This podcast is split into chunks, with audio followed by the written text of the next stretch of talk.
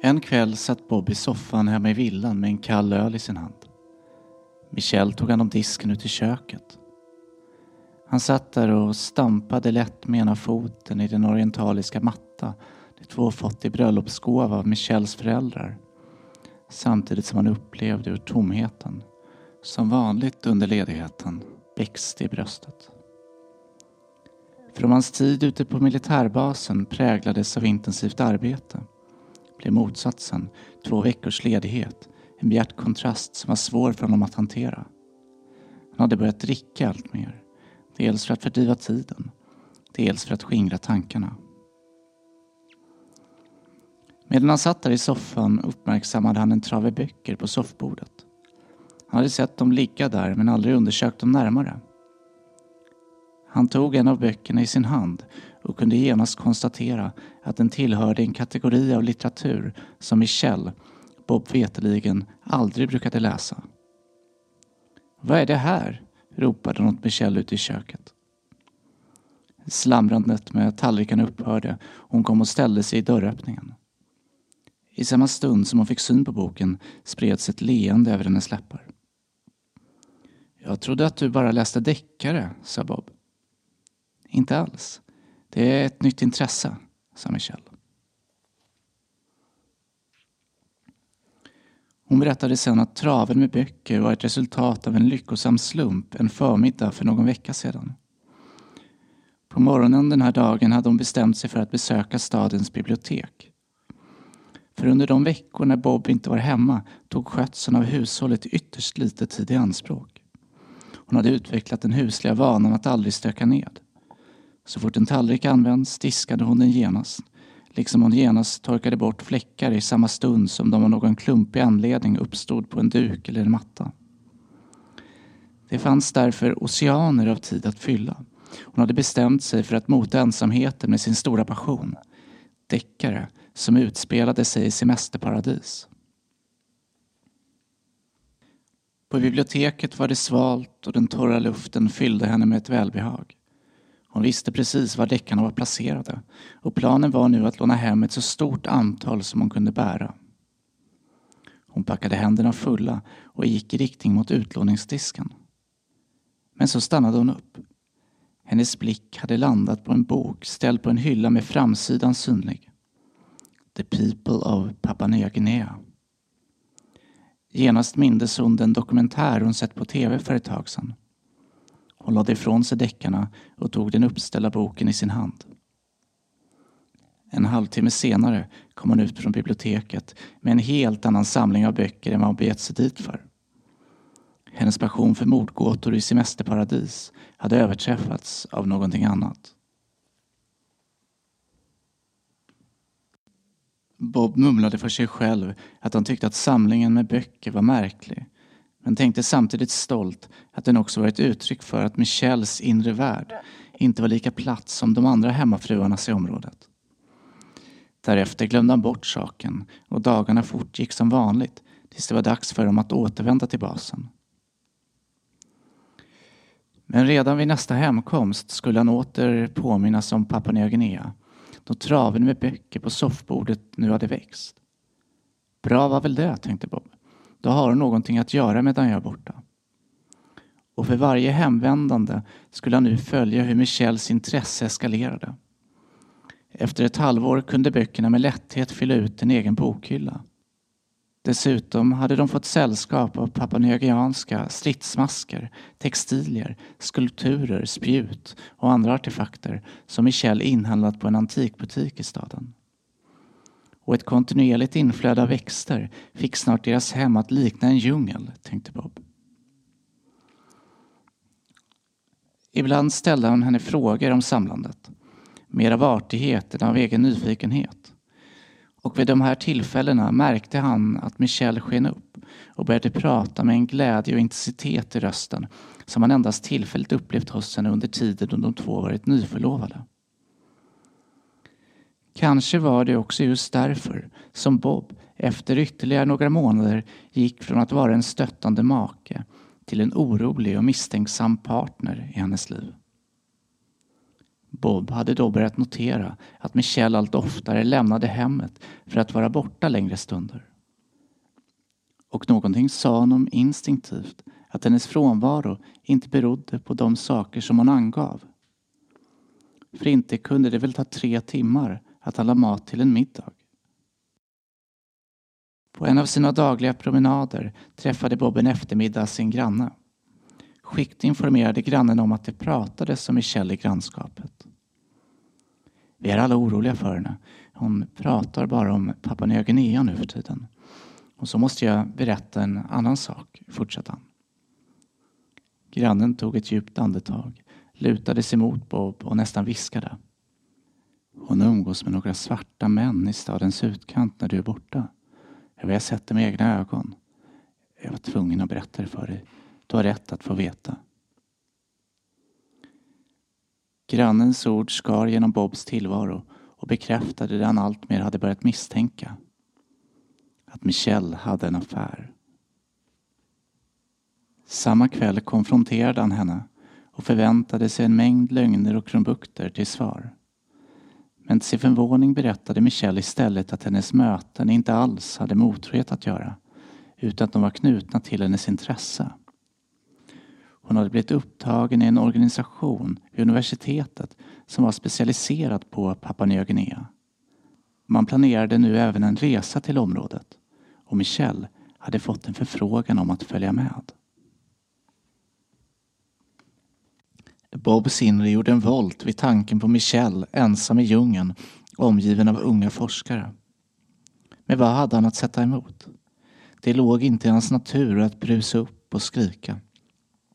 Han hade alltmer stängts ute från sin frus värld, precis som han en gång förutspått. Vad kunde han möjligen säga eller göra för att hindra henne när han var borta från hemmet två veckor varje månad?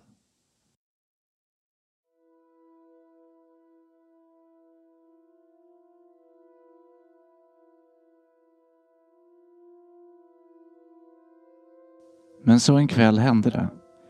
Klockan hade passerat tolv på natten och Michelle var fortfarande inte hemma. Många gånger hade Bob tänkt att det var just där en gräns gick. För så länge hon återvände hem innan midnatt var hennes beteende att betrakta som inom anständighetens ramar. Men i samma stund som hon var ute även på natten var hon inte längre att lita på.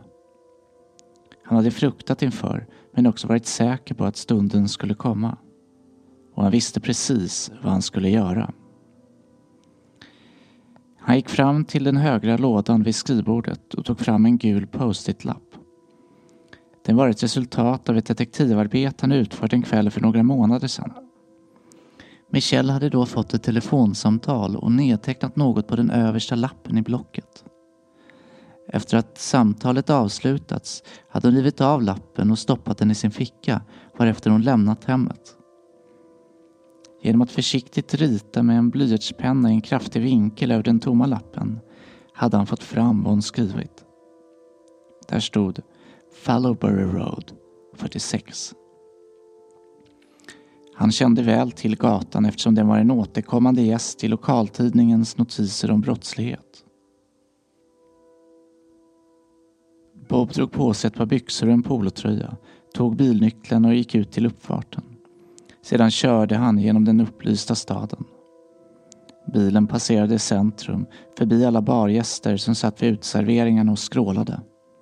Snart svängde han in på Fallowborough Road. Huset på nummer 46 var upplyst och fastigheten var större och äldre än de omkringliggande. Den var omgivet av ett lågt staket.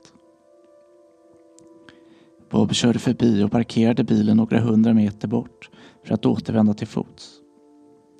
Natten var varm och skall från vakthundar ekade mellan gårdarna. Framme vid tomtgränsen såg han sig hastigt om och efter att ha försäkrat sig om att ingen såg honom hoppade han över staketet och smög försiktigt fram genom det halvhöga gräset.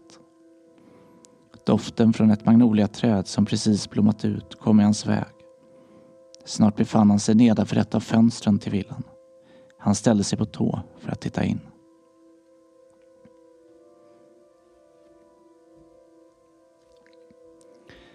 Hemmet som mötte honom på den andra sidan var välordnat och till bredden fyllt av sköljda spjut och mjuka textilier som täckte väggarna. Det var som en variant av det hem som Michel skapat hemma i villan under det senaste året, men mer sammanhållet och smakfullt. Bob var precis på väg att fortsätta till ett annat fönster då han stannade upp. Han visste inte riktigt varför, men det var som att en outtalad insikt kommit till honom. Som att det i vardagsrummet fanns någonting bekant och av stor betydelse. Han sökte med blicken över inredningen. Var det inbildning? Eller kanske var det alla de exotiska inslagen som han kände igen från sitt eget hem som fick honom att mista sig. Plötsligt träffades han av en klar förlösande blixt. Skölden, skölden, sa han högt för sig själv. Det hisnade för hans ögon. För på en av artefakterna precis ovanför den öppna eldstaden fanns en symbol vilken var identisk med den på farkosten ute på militärbasen. Den som var mer framträdande än de andra. Han stod handfallen och förvirrad och betraktade symbolen. Försökte få ihop vad det innebar. Men han kunde inte förstå. Kunde det verkligen inte vara en slump?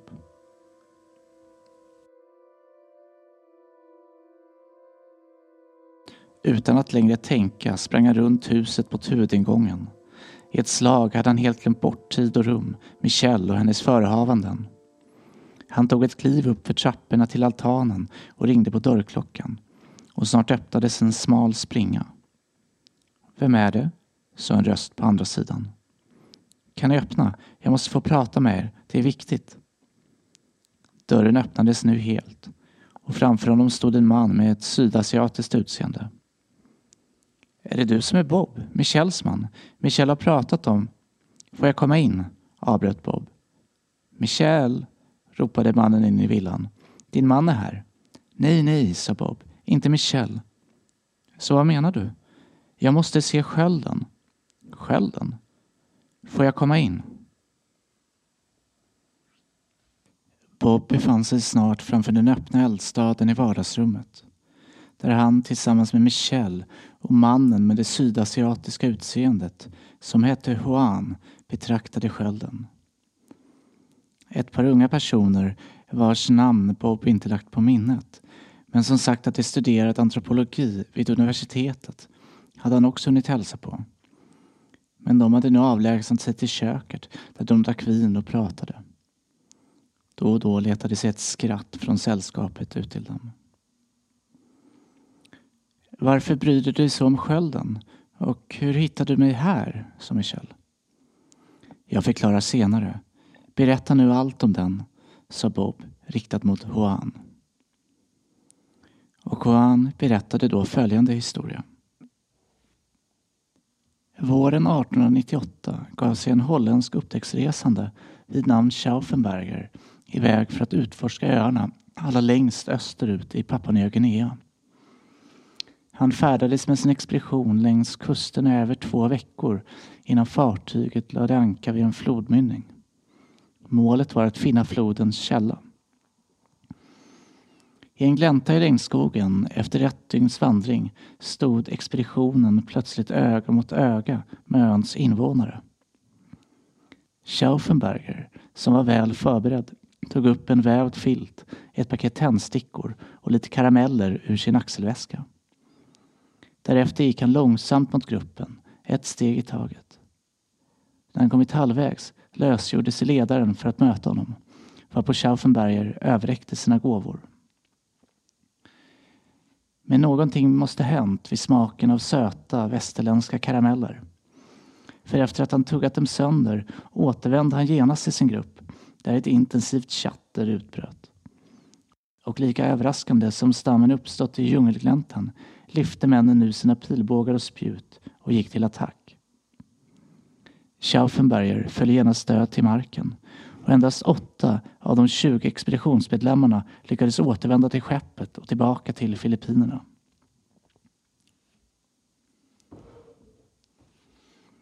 Ryktet om stammen spred sig fort. Att den var våldsam och farlig. och några år senare sände man en ny militariserad expedition till ön.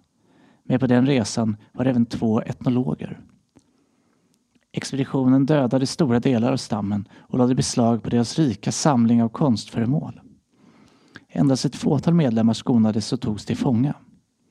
En av dem, en medicinman, skulle med tiden lära sig flytande holländska. Han kom dessutom att bli god vän med en av etologerna som följt med på resan, vilken senare skrev en bok om stammen och dess tro.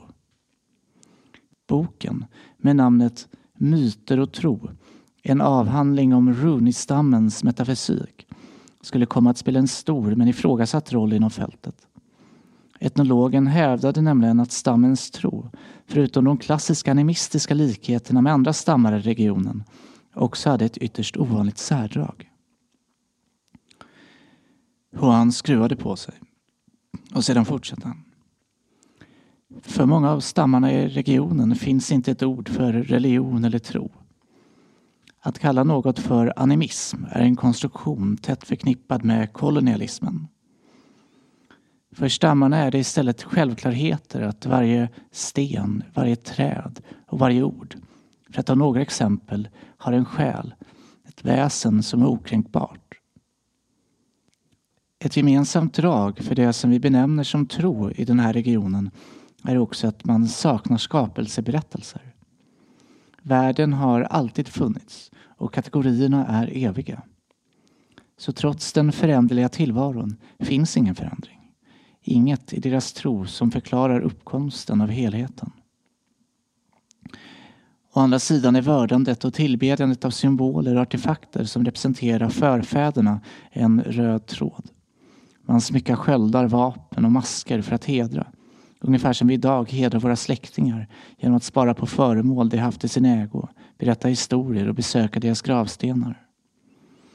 På öarna i Melanesien är det här något som sipprar in i det mesta som uttrycks i det kollektiva.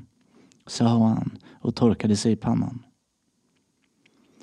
Natten var varm och inne i huset var dagens hetta fortfarande ihållande och omslutande dem. Bob noterade att hans andning kändes tung och forcerad. Men nu kanske jag blir för långdragen. Låt mig återgå till skölden och den här stammen. Den som du var så nyfiken på att veta mer om, sa han. Jag lyssnar, sa Bob. Det som särskiljer stammen som Schauffenberger upptäckte från de övriga är att de har en stark tro på att en form av urmänniskor existerat och att de också en dag ska återvända från det förgångna. Och det finns framförallt en historia, eller myt om man så vill, som är kärnan i den här uppfattningen. Bows intresse stegrades. Myten börjar med att beskriva en tid för länge sedan. Ett paradis där allt var annorlunda. I den här världen var fysikens lagar, ja nästan allt vi känner, annorlunda. Enligt myten var det här en tid då människan kunde utföra trollkonster. De kunde kontrollera växter och djur. De kunde flyga. Idén om en sån här tid som på många sätt påminner om vår tids myt om Atlantis återfinns inte bland någon annan stam i övärlden. Inte ens hos någon annan ursprungsbefolkning vad vi idag känner till. Det är en syn på det förgångna som där inte än finns antydd. Men enligt myten råkade paradiset ut för en kris. Någonting gick fel och vatten började svämma upp på land precis som i myten om Atlantis. Till sist blev livet på jorden outhärdligt och man bestämde sig för att bygga en flygande maskin så att några få personer kunde lämna jorden. Det lyckades man med. Och en farkost tog fem personer bort från vår planet och upp mot stjärnorna. Kort därefter gick det forna paradiset om intet och endast två människor här på jorden överlevde, från vilka vi, alla människor av idag, härstammar. Bob satt tyst en lång stund. Och vad hände med de som lämnade jorden? sa Bob. Ja, det förtäljer inte myten. Men den här stammen är symbolen som du ser här på skölden. En påminnelse om dessa förfäder som lämnade jorden. Stammen tillbad dem som sina gudar och de menade att de en dag skulle återvända. Och han tog en paus. Men de flesta menar att den här historien saknar all trovärdighet och i själva verket är ett fantasifoster av medicinmannen som lärde sig holländska. att han helt enkelt hittade på historien för att göra sin stam och dess historia mer intressant än den var.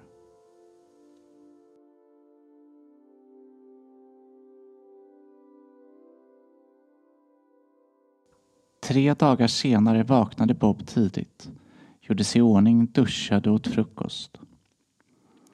Men den här morgonen fanns ingen Michelle för att ta adjö av honom. Efter att Toan berättat historien om symbolen på skölden hade Bob i sin tur valt att berätta om hans uppdrag ute i öknen och den utomjordiska farkosten. Men de hade inte trott honom utan istället brutit ut i skratt. Och när han upprepade gånger insisterat på att han inte skämtade hade en orolig min kommit över deras ansikten. De hade trott att han var galen, varvid Bob till slut lämnat dem i vredesmod. Det var sista gången han sett Michelle. Bob packade sin resväska själv och lämnade hemmet i riktning mot bussterminalen. Han såg fram emot att återvända till militärbasen och det enkla livet där ute tillsammans med Barry. Men när den gröna militärbussen svängde in och stannade på uppsamlingsplatsen och Bob skulle kliva ombord hände någonting oväntat. För när han lämnat fram sitt ID-kort och föraren letat en stund efter Bobs namn i passagerarlistan tittade han upp mot Bob med ett besvärat ansiktsuttryck. Jag är ledsen, men du finns inte med här. Ursäkta, sa Bob. Ja, du finns inte med här. Jag är ledsen. Du kan inte åka med. Tillbaka i hemmet letade Bob upp sitt anställningsavtal och satte sig i soffan vid telefonen och slog numret till företaget Interjet. Till hans förvåning var det rekryteraren som svarade. Hallå Bob, hur står det till? De hade inte talats vid sedan Bob påbörjat sin anställning. Lönen hade alltid betalats ut i tid och tiderna för avresa från uppsamlingsplatsen hade alltid varit de samma. Ja, det är därför jag ringer, sa Bob och berättade vad som hänt. Vet du något om saken? Ja, det måste blivit ett missförstånd. För senast när jag pratade med Barry förra veckan sa han att ni och de andra där ute gjorde stora framsteg. De var verkligen nöjda med ditt arbete, sa rekryteraren. Bob kom av sig en kort stund. Hur kunde de vara nöjda med hans arbete? Han hade inte lyckats förstå någonting väsentligt om farkosten. Och vilka var de andra?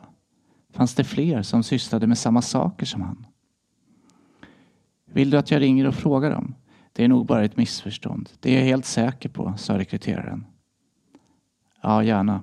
Jag är hemma under dagen. Det är bara att ringa, sa Bob.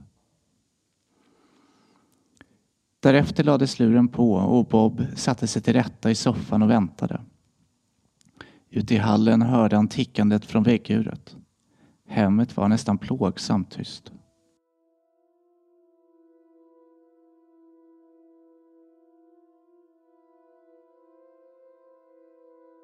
Bob satt så hela dagen. Han varken åt eller drack och rekryteraren ringde inte tillbaka som han lovat.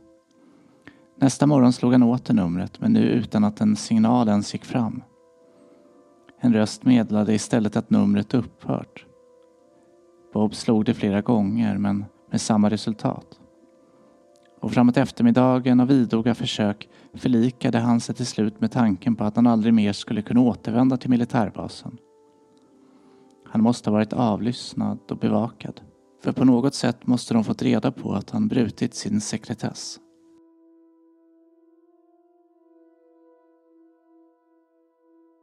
Bob gick ut i köket. Först bara för att han behövde röra på sig.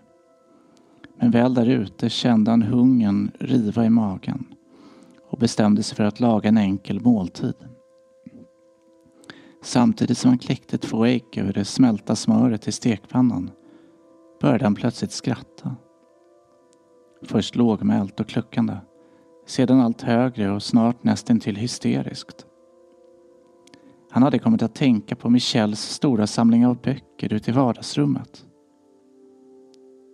Är det inte märkligt, sa han högt för sig själv, att det bara några steg från där jag nu befinner mig med största sannolikhet finns mer information att hämta om farkosten och dess ursprung än ute på militärbasen. Medan äggen stektes gick han för att botanisera bland böckerna. Och snart fann han den bok han letade efter. Det självklara valet av middagslektyr. Myter och tro. En avhandling om runistammens metafysik. I en nyutgåva från 1968. Han återvände med boken till köket, stängde av spisen och placerade äggen på en tallrik. Sen slog han sig ner vid köksbordet och försåg sig själv med några tuggor innan han började läsa.